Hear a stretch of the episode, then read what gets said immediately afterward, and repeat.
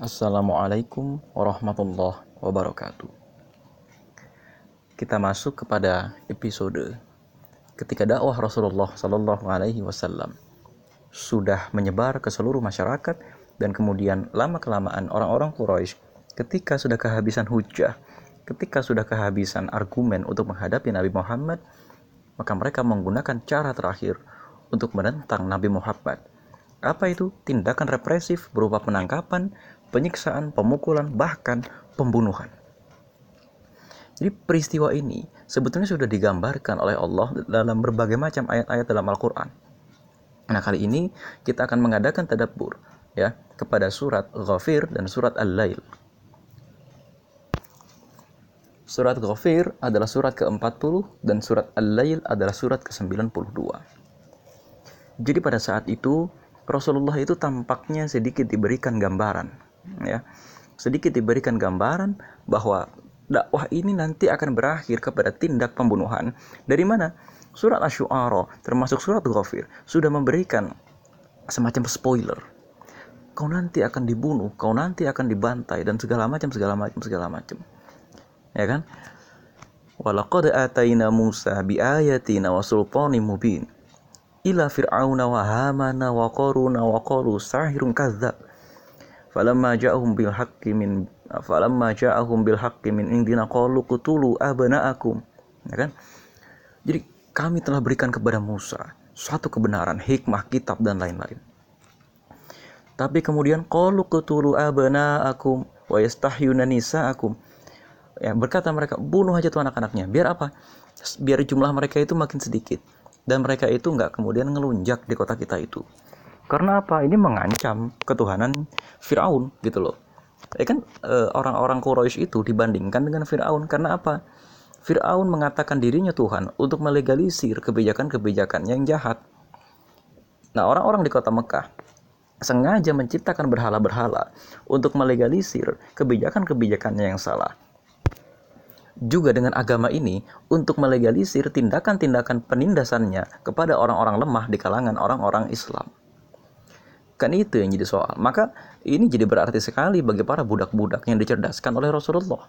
Kan gitu. Ketika budak itu datang, diajak oleh Abu Bakar, diajak oleh Rasulullah, diajak oleh Uthman. Dan ketika mereka sudah berhasil dicerdaskan, mereka selama ini, wah, saya ditipu ya sama Lata dan Uzza. Bahwa seolah-olah saya itu budak, sehingga saya tidak berhak untuk uh, untuk menjadi manusia merdeka. Saya jadi tidak bebas dan Tuhan saya itu adalah manusia. Ternyata setelah saya masuk Islam, saya tahu Tuhan itu Allah, sejatinya itu Allah. Dan gitu ya, nanti ketika budak-budak ini disiksa, orang-orang Quraisy itu akan mengatakan, coba lihat kau habis diajak ngomong sama Muhammad jadi begini, jadi menentang Tuhan-Tuhan kami. Kan padahal urusannya itu, memang sih ada beberapa di antara mereka yang berbuat baik, tapi mereka sendiri juga tahu mereka tuh tidak punya pegangan ketika berbuat baik itu sehingga perbuatan baiknya itu juga mengawang-awang aja sebetulnya. Semakin kaya mereka semakin banyak tuh mereka punya budak ya. Berbeda dengan tindakan Abu Bakar dan berbeda dengan tindakan Rasulullah. Nah sampai di sini gitu kan? Nanti kisah pertama dalam surat Ghafir itu ya nanti mari kita perhatikan tadaburnya surat apa surat Ghafir. Ini surat ke-40 silakan di buka mushaf gitu ya. Di ayat ke-26 ya. Wa qala fir'aunu dzaruni aqtul Musa ya. Wal yad'u rabbah dan sungguh gitu ya. Kata Firaun, biar aku yang membunuh Musa dan suruh dia memohon kepada Tuhannya. Wal yad'u rabbah inni akhafu ayyubaddila dinakum aw ayyudhhira fil ardil fasad. Sungguh aku khawatir dia akan menukar agamamu, artinya tadinya menyembah Firaun, jadi menyembah Allah dan menimbulkan kerusakan di bumi. Ya. Dan Musa berkata, Ya wa qala Musa ini ustu bi rabbi wa rabbikum min kulli mutakabbirin ya min kulli mutakabbirin la yu'minu bi yaumil hisab. Loh kok hubungannya kepada yaumil hisab? Kan gini, sesungguhnya aku berlindung kepada Tuhanku dan Tuhanmu dari setiap dari setiap orang yang menyombongkan diri dan tidak beriman kepada hari perhitungan.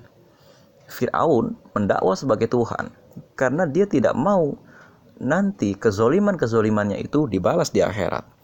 Ya, pemimpin agar tidak zolim, ingatkan kepada dia tentang hari kiamat. Ingatkan kepada dia bahwa suatu saat kezolimannya itu akan ditimbang dan dibalaskan oleh Allah. Nah, ya, dan dan seorang beriman di antara keluarga Firaun berkata, wa qala rajulun mu'min min ali fir'auna yaktumu imanahu ataqtuluna rajulan ayyakula rabbi Allah. Jadi berkata seorang anggota keluarga Firaun yang menyembunyikan keimanannya. Ataqtuluna rajulan ayyakula rabbi Allah. Apakah kau akan membunuh orang yang mengatakan Tuhannya adalah Allah? Kan begitu. Nah, ini ceritanya begini. Suatu ketika Nabi Muhammad itu ketika sedang sholat gitu ya, disamperin sama orang-orang Quraisy dan kemudian bajunya itu kerah bajunya itu dijenggut, dicekik dan hampir saja dipukuli dan kemudian Abu Bakar Siddiq datang dari jauh teriak-teriak. Ini kan urusannya kok Abu Bakar dihormati? Urusannya ternyata bukan masalah Abu Bakarnya, tapi di belakang Abu Bakar ini ada Bani Taim gitu loh. Jadi di belakang Abu Bakar itu kekuatan Bani Taim siap membela Abu Bakar. Nah, Abu Bakar di situ teriak ya berkata, "Ataqtuluna rajulan ayyakula rabbi Allah?" Apakah kalian akan membunuh orang yang mengatakan Tuhannya adalah Allah? Maka di sini nih turun surat Ghafir dan surat Ghafir ini kan begini. Dan kemudian orang-orang yang orang yang beriman tadi ya dari kalangan keluarga Firaun tadi berkata, Ya qaumi lakumul mulkul yaumal zahirina fil ard. Wahai kaumku, pada hari ini kerajaan ada padamu dengan berkuasa di bumi. Ya, fama yang suruna mim ba'dil mim ba'sillahi ja'ana. Tapi siapa yang akan menolong kita dari azab Allah jika azab itu menimpa kita? Ya kan? Qala fir'aunu ma urikum illa ma ara wa ma ahdikum illa sabilar rasyad. Fir'aun akhirnya jebar hoax. Ya, ini kebijakan saya udah paling baik. Kebijakan untuk membunuh orang, kebijakan untuk menangkap orang yang dianggap represif, kebijakan untuk menangkap orang yang tidak satu pendapat adalah kebijakan yang terbaik. Ciri-ciri Fir'aun, ya. Qala Fir'aunu ma urikum illa ma ara wa ma ahdikum illa sabilar rasyad. Aku hanya mengemukakan apa yang menurutku yang paling baik Aku hanya membuat kebijakan yang menurutku bisa menyelamatkan negara ini.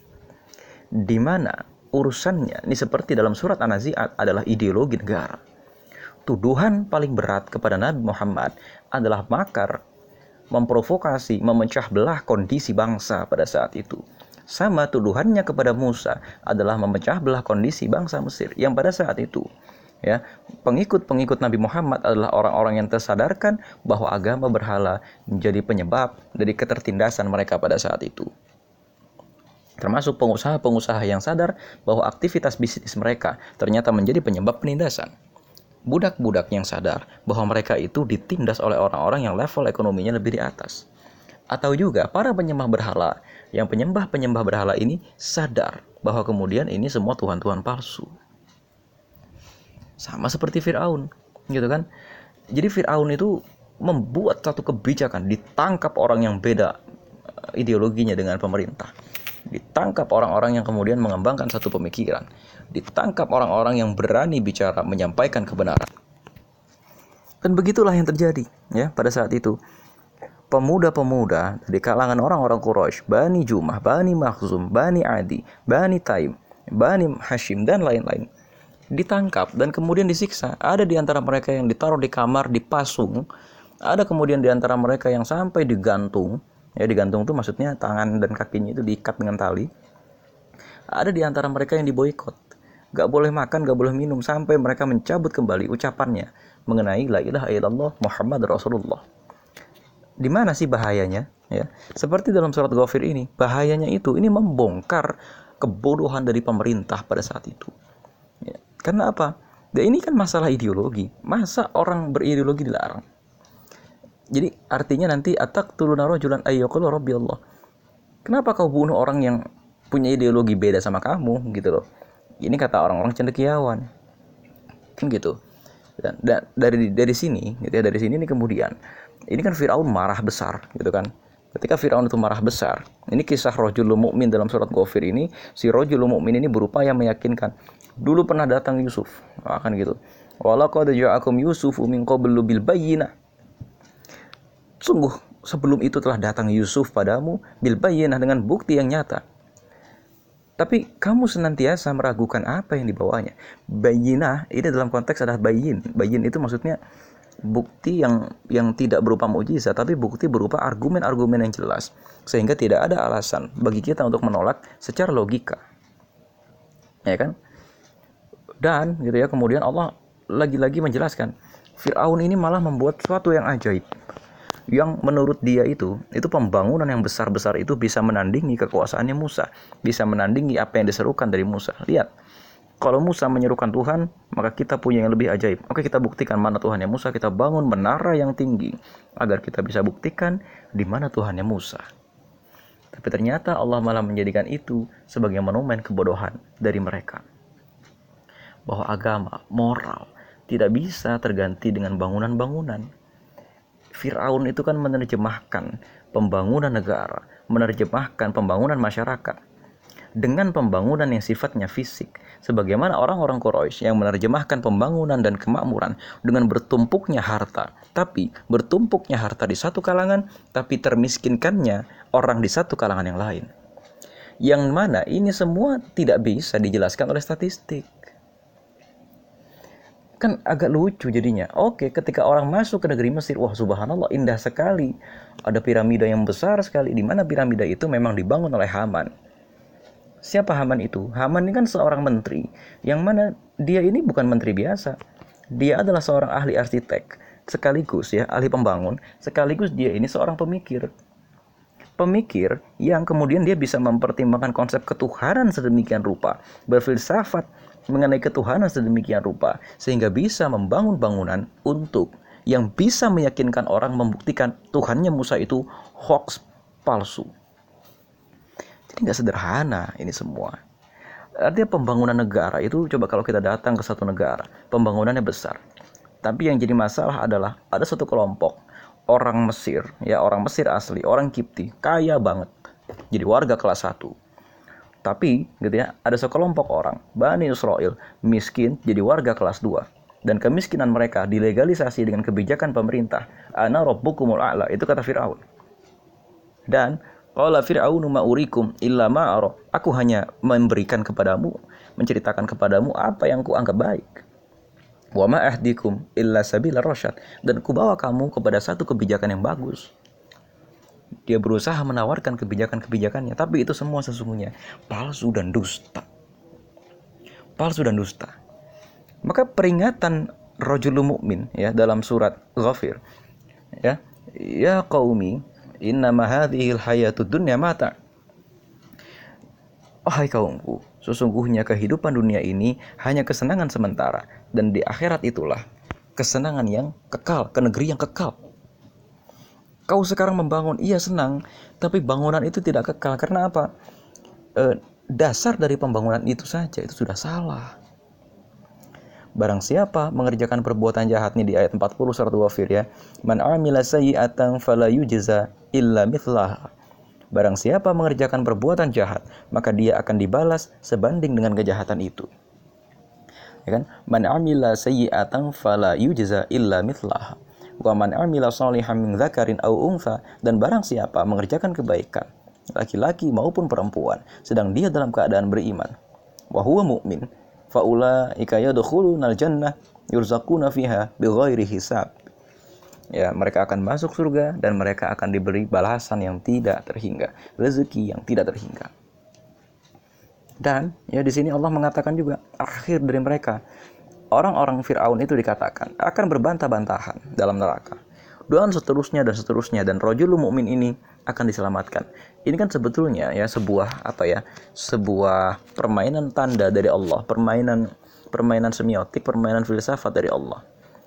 Kalian menindas, bahkan kalian melegalisasi penindasan itu ya dengan kebijakan pemerintah. Orang-orang Quraisy itu bersidang di di Darun Nadwa. Orang-orang Quraisy itu bersidang di Al-Hijr. Al-Hijr itu sebuah tembok lah tempat mereka ngumpul gitu ya. Mereka mengatakan ini kebijakan yang paling bagus. Tapi sesungguhnya kebijakan itu itu kebijakan palsu kembali kepada kisah rojul mukmin ini. Di sini Allah sudah menyitir bahwa memang ada gitu loh di tengah-tengah mereka orang-orang seperti rojul mukmin ini yang mengingatkan mereka ya bahwa ya sebetulnya ini kan cuma masalah ideologi tapi kenapa mereka melarang? Ya dan bahkan memang di tengah-tengah orang Quraisy sendiri yang kafir ada orang-orang yang yang udahlah kita itu kepada Muhammad itu nggak usah keras-keras begini ngapain sih? Kan gitu. Tapi kemudian gitu ya tetap saja mereka akhirnya bertindak represif menangkapi orang memenjarakan orang. Dan kemudian di sini setelah penyiksaan yang berliku-liku itu ya setelah penyiksaan yang terjadi di mana-mana terutama ya saat itu banyak sekali terjadi penyiksaan. Uh, Uthman bin Affan itu disiksa oleh pamannya caranya bagaimana? Uthman itu digulung ya di dalam sebuah tikar. Kemudian tikar itu digantung dan kemudian di bawahnya itu dinyalakan. E, bara api dan bara api itu ditaruhkan semacam semacam rumput agar apa? Berasap. Jadi Utsman itu diasapi gitu ya diasapi. E, di antaranya lagi Bilal bin Robah di mana Bilal itu kemudian ditaruhkan batu di atas dadanya dan dia dibaringkan di atas gurun pasir yang panas dan dia mengatakan ahad ahad ada lagi seorang budak ya yang mana budak ini disiksa sampai kedua matanya itu pecah, kedua matanya itu buta. Budak ini namanya Zinniroh. Nah, ketika nanti budak ini apa dikatakan, lihat kau buta kan gara-gara Lat dan Uzza. Budak ini ngomong enggak. Yang membutakan saya bukan Allah, apa bukan bukan Lat dan Uzza, tapi yang membutakan saya adalah Allah. Nah, dalam waktu apa sejenak ya dalam waktu sekejap itu matanya pulih lagi lantaran dia percaya kepada Allah sepenuhnya. Ini luar biasa. Budak-budak itu yang tadinya sudah tidak punya semangat hidup. Orang-orang yang tadinya adalah level terbawah dari masyarakat, dakwah Islam berhasil menjadikan mereka itu punya keteguhan hati luar biasa. Ini budak. Di mana budak ini kemudian bisa bicara percaya diri dengan orang-orang kaya. Mau orang kaya nyiksa mereka ya bodoh amat. Saya sudah punya keteguhan diri. Anda mau menyiksa saya, siksa aja keteguhan diri saya nggak akan hilang. Harga diri inilah yang kemudian muncul di kalangan orang-orang miskin. Nah, munculnya harga diri, ya munculnya penolakan, munculnya penentangan di kalangan orang-orang miskin ini, ini kemudian jadi ancaman bagi orang-orang kaya di situ. Padahal pada saat itu Rasulullah tidak mengagitasi. Rasulullah itu tidak memerintahkan orang untuk melawan, mengambil harta dan lain-lain. Enggak. Rasulullah itu hanya membangkitkan harga diri mereka dan menukar sembahan mereka. Itu aja. Tapi reaksinya berlebihan sekali. Termasuk di antaranya Umar bin Yasir, Yasir, dan Sumayyah yang memang sejak awal mereka pede banget. Mereka menyatakan keimanannya, termasuk Bilal bin Rabah itu menyatakan keimanannya. Salat, baca Quran, dan lain-lain. Karena apa? Mereka sudah percaya diri. Di antaranya juga ada Amir bin Fuhairoh. Nah, di sinilah gitu ya. Di sinilah masuk kisah Abu Bakar As-Siddiq yang mana dengan hartanya yang cukup cukup besar gitu ya satu persatu Abu Bakar itu membebaskan budak-budak. Amir bin Fuhairah dibeli oleh Abu Bakar. Bilal bin Rabah dibeli juga oleh Abu Bakar. Zinnirah dan dua orang budak lagi dibeli juga oleh Abu Bakar. Ya, dan ada lagi seorang budak perempuan yang dibeli lagi oleh Abu Bakar yang mana ini satu-satu kisahnya banyak gitu ya. E, a, kisah budak perempuan ini ceritanya sedang dipukuli oleh Umar dan Abu Bakar memperhatikan dari jauh. Ketika budak ini dipukuli oleh Umar, lalu Umar berhenti sambil megangin budak ini. Umar nanya, kamu tahu nggak apa yang bikin saya berhenti dari mukulin kamu? Apa kata budak ini kan? Ya budak ini diam gitu kan. Terus Umar berkata, saya bosen aja, saya capek aja mukulin kamu gitu kan.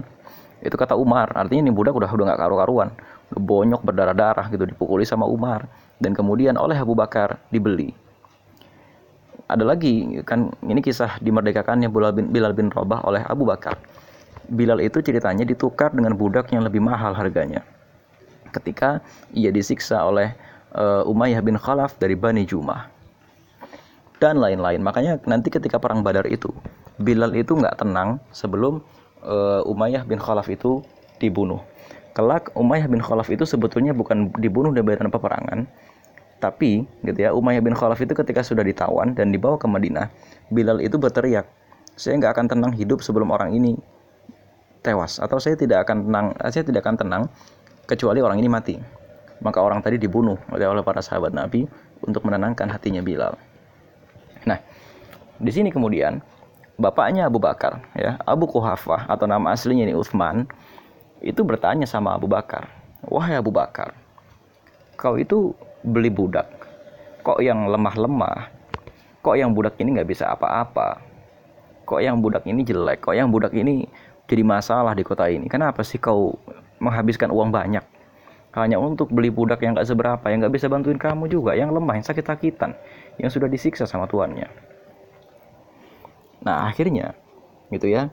Untuk e, ibaratnya melipur lara Abu Bakar, turunlah surat Al-Lail. Ya, barang siapa memberikan hartanya, itu katanya. Fa'amma man a'ta wattaqa. Ya, e, maka adapun orang yang bertakwa gitu ya. E, wasaddaqa bil husna dan lain-lain gitu dan seterusnya dan seterusnya. E, e, ibaratnya begini maka barang siapa memberikan hartanya di jalan Allah dan bertakwa dan membenarkan adanya pahala yang terbaik, maka kami akan mudahkan baginya jalan menuju kemudahan. Ini sudah jaminan dari Allah bahwa Abu Bakar Siddiq akan dimudahkan. Satu dalam konteks dunia, yang kedua juga dalam konteks akhirat. Artinya emang beda bisnis kalau memperhitungkan masalah akhirat sedekah mulu uang hasil bisnisnya itu emang diputarnya untuk dakwah memang berdarah-darah ketika orang bisnis niatnya untuk dakwah, berdarah-darah. Inilah janji untuk Abu Bakar Siddiq.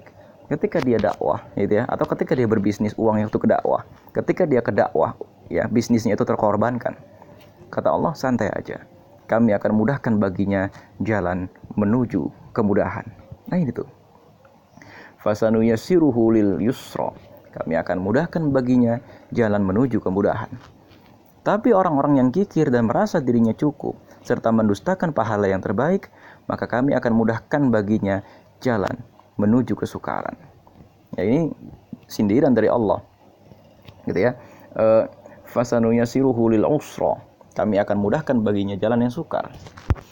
Nanti kita akan lihat bisnis orang-orang Quraisy itu hancur ya. Nanti ketika Rasulullah itu hijrah ke Madinah sehingga ketika Fatu Mekah atau penaklukan kota Mekah itu gampang sekali ditaklukkan karena memang satu persatu kunci-kunci bisnis mereka, jalur dagang, pembeli potensial, pelindung sepanjang jalur dagang atau bahkan supplier-suppliernya dikunci semua oleh Rasulullah dan diambil alih menjadi asetnya orang Islam sehingga kemudian bisnis mereka ini menjadi sempit dan orang-orang Islam saat itu gitu ya nanti ketika hijrah ke Madinah tampil sebagai para supernova supernova atau para startup startupper yang pada saat itu menjadi unicorn, dekakorn dan lain-lain dengan konsep yang lebih baik. Konsep yang mana konsep ini tidak menindas. Kan gitu ya. Nah, ini nanti di surat Al-Lail ini itu nanti akan ditutup ya dengan kisah orang-orang yang bertakwa di dalam surga. Artinya inilah pembeda antara orang-orang yang tidak beriman dengan orang-orang yang beriman. Ini juga sekaligus gitu ya ini bicara masalah harta. Kalau di surat Ghafir tadi bicara mengenai kebijakan-kebijakan pemerintah yang zolim di surat Al-Lail ini itu bicara mengenai harta orang-orang kaya itu dikemanain sih harusnya. Kan gitu. Ada orang-orang kaya tapi hartanya ini ya malah menyebabkan perubahan sosial di tengah-tengah masyarakat untuk menuju ke arah kebaikan tapi ada juga orang-orang kaya dia nggak peduli dia kapitalis aja dia nggak peduli ada orang ditindas. Bahkan ketika ada orang berusaha menyadarkan orang bahwa ada yang sedang menindas, maka dengan harta kekayaannya dia membinasakan orang itu. Dia menganggap dia di puncak kekuasaan karena memang orang yang punya banyak harta akan sangat mudah mencampuri kekuasaan gitu ya. Dia menganggap dirinya ketika ada di puncak kekuasaan dia berhak menindas sekelompok orang yang lain. Dan tanggung jawab sosial inilah yang kemudian dibahas dalam surat Al-Lail. Sebaik-baiknya orang kaya itu itu sebenarnya Abu Bakar. Itu kan sebenarnya ngomong kayak begitu. Yang kaya apa sih orang yang kaya yang kaya Abu Bakar itu? Yaitu memberdagangkan budak. Yang membuat lapisan-lapisan sosial di tengah-tengah masyarakat ini terkikis satu persatu. Nah itu. Jadi kalau kita lihat sekarang gitu kan, ini menjamurnya startup. Misalnya gitu ya. Tapi ternyata startup startup ini itu hanya ya kulitnya aja sebenarnya banyak pengusaha-pengusaha baru. Tapi sesungguhnya yang terjadi adalah ini penindasan dari negara-negara maju, negara-negara investor kepada negara berkembang. Karena startup-startup yang sekarang dekakorn, unicorn, dan lain-lain ternyata tidak bisa hidup kecuali dari investasi.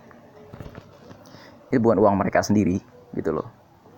Lah kok begitu? Lah iya, karena memang itu sebenarnya tipu-tipu aja kan gitu nanti investasi-investasi ini akan mengakibatkan penjajahan-penjajahan lagi. Ya gitu aja kan sebenarnya kan. Ini ada orang-orang kaya yang kemudian menjadikan sesuatu itu jadi tidak pas gitu loh. Ada orang-orang kaya yang menjadikan eh, kelas-kelas sosial di masyarakat ini semakin bertambah, penindasan terjadi dan terus terjadi. Sekarang memasuki masa mudik lebaran, ada dua maskapai besar yang menguasai maskapai-maskapai kecil yang lain. Ini tidak sehat. Ya di mana penerbangan ya dari daerah satu ke daerah yang lain ternyata hanya dikuasai oleh dua maskapai besar dan dua maskapai besar ini karena saking besarnya itu bisa ibaratnya mengalahkan negara. Terus apakah negara salah? Enggak juga. Apakah maskapainya salah? Ya enggak juga. Ini yang jadi masalah adalah sebagaimana surat Al-Lail gitu ya. Usaha manusia itu macam-macam ini di ayat 4. Nah, kan tapi kemudian begini di ayat 5, barang siapa memberikan hartanya di jalan Allah dan bertakwa. Jadi ini tanggung jawab sosial orang kaya. Jawabannya itu. Nah, di sinilah kemudian peran agama. Ya, peran agama ini arus mudik saja itu ada peran agama di situ. Barang siapa itu kan memberikan tanggung jawab sosialnya atas nama ketakwaan kepada Allah. Nah di situ nanti ada pahala yang besar, di mana orang juga nggak akan percaya ada pahala atau gimana sebelum ketuhanan ini beres dalam dirinya. Jadi harga sudah melambung tinggi, gitu ya terjadi monopoli.